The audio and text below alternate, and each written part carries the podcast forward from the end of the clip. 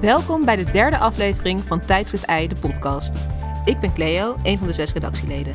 Tijdschrift Ei is een online tijdschrift dat sinds 2010 een podium biedt aan auteurs en beeldmakers. In deze podcast lezen onze redactieleden verhalen voor die eerder gepubliceerd zijn op de site. Zodat je deze verhalen vanaf nu ook onderweg, voor het slapen of tijdens het koken kan beluisteren. In deze derde aflevering leest redactielid Arin Koreman het verhaal Tante Constance voor van auteur Marco Knijnenburg. Marco wil graag geïntroduceerd worden als een gespierde man met een hart vol liefde. Aangezien dat de lading maar ten dele dekt, lijkt het mij goed om te vermelden dat Marco onlangs is begonnen met schrijven. En dat dit ook zijn allereerste verhaal is in tijdschrift Ei. Dit stuk is verschenen in het nummer Tot de maan en nooit meer terug. Luister nu naar Tante Constance.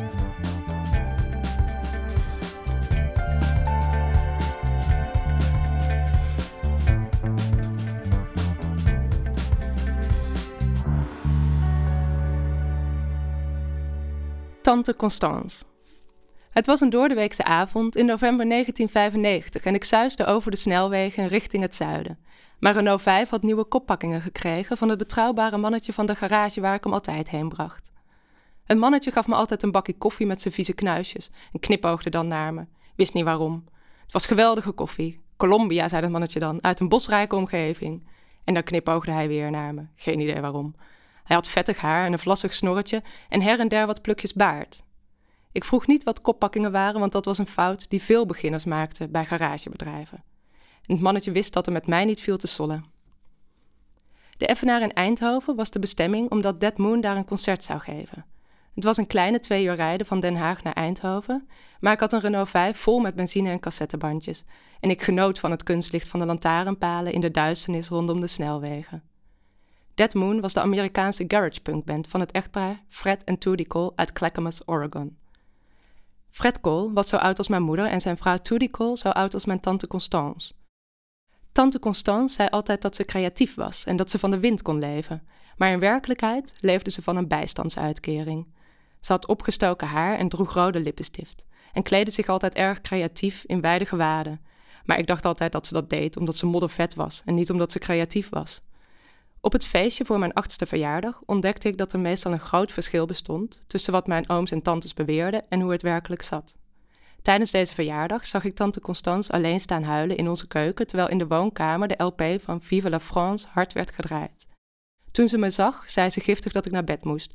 Het was mijn feestje en pas iets na zevenen, dus bleef ik staan. Toen snoot ze haar neus in een theedoek en zei dat het allemaal mijn schuld was. Ik vond het prettig om Clackamas te zeggen, hoewel ik niet zeker was van de uitspraak, maar ik kwam dan ook niet uit Clackamas, Oregon in de Verenigde Staten. Fred en Toody wel en ze konden bovendien een aardig potje teringherrie produceren in een kleine concertzaal ergens in het zuiden van het land. En nu zong Fred in mijn Renault 5 met nieuwe koppakkingen via de Aristona cassettespeler dat hij geen vat kon krijgen op de vrouw van zijn dromen, terwijl Toody rustig meepummelde op haar basgitaar. Zo gingen die dingen in Clackamas, Oregon in de Verenigde Staten. Tante Constance had het vaak over nieuwe mannen in haar leven en dat haar twaalf katten daar steeds aan moesten wennen. En dan lachte ze heel hard. Dat vond iedereen dan grappig. Altijd als ik haar zag, zei ze dat ik een hartebreker zou worden. En dan lachte ze weer heel schel en voelde ik me ongemakkelijk. Ik wist nooit of ze het meende of dat het een grap was. Verder zei ze niets tegen mij. Iedereen in de familie bewonderde tante Constance omdat ze een vrije geest was die altijd geld nodig had en emotionele steun van alle aanwezigen. Na weer een relationele crisis ging ze stevast naar haar waarzegger, die dan zei dat het niet aan haar lag en dat er een nieuwe liefde was. Na de kaartcontrole bij de Effenaar schuifelde ik door naar de jassenafdeling, die ze hier de garderobe noemden. Ik wisselde mijn dubbel gewatteerde skijas van Intersport in voor een bonnetje dat je normaal bij de slager of de bakker moest afscheuren van zo'n apparaat. Het nummer was 071, volgens mij het kengetal van Leiden en omstreken. Dat was mijn ezelsbruggetje.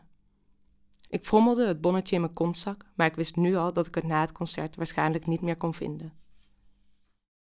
Aan de bar bestelde ik een colaatje omdat ze geen Dr. Pepper hadden, stak een sigaret op en keek naar de bezoekers. Zoals altijd bij de concerten waar ik heen ging, leek het wel of ze alle kraakpanden van de stad hadden leeggetrokken en die bezitloze activisten naar deze locatie hadden gelokt voor een avondje vertier. Tante Constance ging vaak naar Amsterdam voor vertier, want daar gebeurde het allemaal. En het was maar een half uurtje met de trein. Ze dronk daar amaretto en tongzoende dan met aantrekkelijke mannen. En de rest van de familieleden waren maar lompe boeren. En dan lachten ze weer heel erg hard. Veel van de krakers hadden t-shirts van bands aan die ik allemaal kende, hoewel ze in de marges van de muziekwereld opereerden. De afbeeldingen van Dead Moon overheersten op de borsten van mijn makkers. Nooit begrepen waarom ze die t-shirts aantrokken.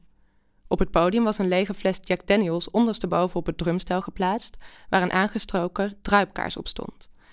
Fred, Toody en de drummer zouden volgens de programmering over 20 minuten beginnen, dus pakte ik mijn zakflesje uit de grote zak van mijn cargobroek.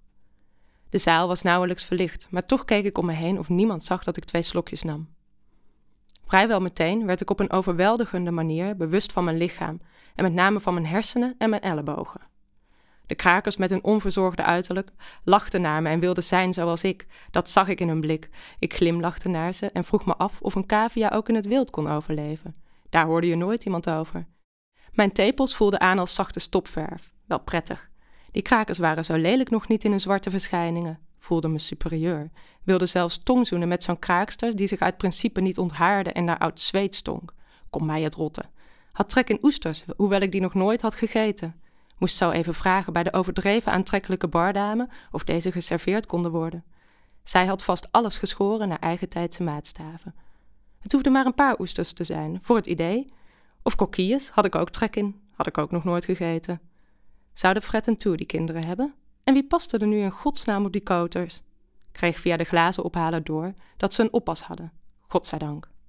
Had een erectie van hier tot Hinderlopen. Was nooit in Hinderlopen geweest. Maar als het net zo fantastisch was als Eindhoven, dan wilde ik er dood gevonden worden. Cola. Ik bestelde een cola. Maar ik had nog een cola, maar ik bestelde toch een cola. Daar waren geen regels voor. De effenaar draaide de chrome cranks. Heerlijk. Ik nam nog een slokje uit mijn blinkende zakflesje. Heftig spul. Ik kende eigenlijk helemaal niemand die bezwaar maakte tegen het bestaan van vlinders. Of lieveheersbeestjes. Niemand had problemen met die beesten. Hoewel daar natuurlijk ook klootzakken tussen zaten. Maar dat mocht je dan weer niet zeggen. Er stond een hagedist naast me, in de vorm van een kraker, met een ring door zijn neusschot die een Dr. Pepper bestelde. Misschien moest ik toch maar een keer tante Constance bellen. Maar ik had haar nummer niet en misschien was ze wel dood. Dat gun je niemand. Dead Moon speelde inmiddels al een tijdje op de achtergrond. Laten we hopen dat tante Constance vredig was heengegaan tijdens het knutselen van iets creatiefs met wc-rollen en papier-maché in het gezelschap van een harige kraker die haar in alle standen van de regenboog seksueel bevredigde. Dat gunde ik haar, want ze hield van zwaarbehaarde mannen en zo wilde ze vast herinnerd worden. Ik nam nog een slok en keek naar het roestvrij stalen flesje alsof ik de inhoud kon zien. Dit bloed was van prima kwaliteit, metalige smaak, de juiste viscositeit en redelijk vers beter dan gemiddeld. Tante Constance hield niet van gemiddeld. Dat vond ze zoomkotsen. Daarom ging ze alleen met hoogbegaafde mensen om. En dan nam ze demonstratief een trekje van haar Belinda-sigaret en keek mysterieus uit het raam voordat ze er ook uitblies. En dan zweeg de rest van de familie, omdat zij inzagen dat zij inderdaad niks bereikt hadden in het leven. En dan werd er een plaat van Michel Fugain opgezet om de spanning te breken, en dan ging iedereen dansen. Zo ging dat toen. Tante Constance woonde in de buitenwijk van Weesp. Dat wist ik nog. Dit was het verhaal Tante Constance van Marco Knijnenburg, voorgelezen door Arin Koreman. techniek werd verzorgd door Oliver Terpstra, die ook samen met Roman Koskoen de tunes heeft gemaakt. Wil je dit verhaal nog een keertje teruglezen? Dat kan. Het staat namelijk op de website van Tijdschrift Ei. Het is gepubliceerd in nummer 71 en het thema van die editie is Tot de maan en nooit meer terug. Je kan dus ook allemaal andere bijdragen met het thema vinden, zoals het gedicht De Exobioloog van Alicia Keizer met een wonderschone illustratie van Lotte Egberts en het project Backpacking van voormalig redactielid Anosh Urbanke. Dus neem snel een kijkje bij Ei.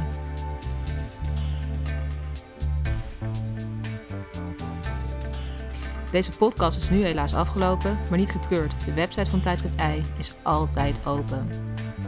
En uh, we zijn ook te vinden op Facebook en Instagram.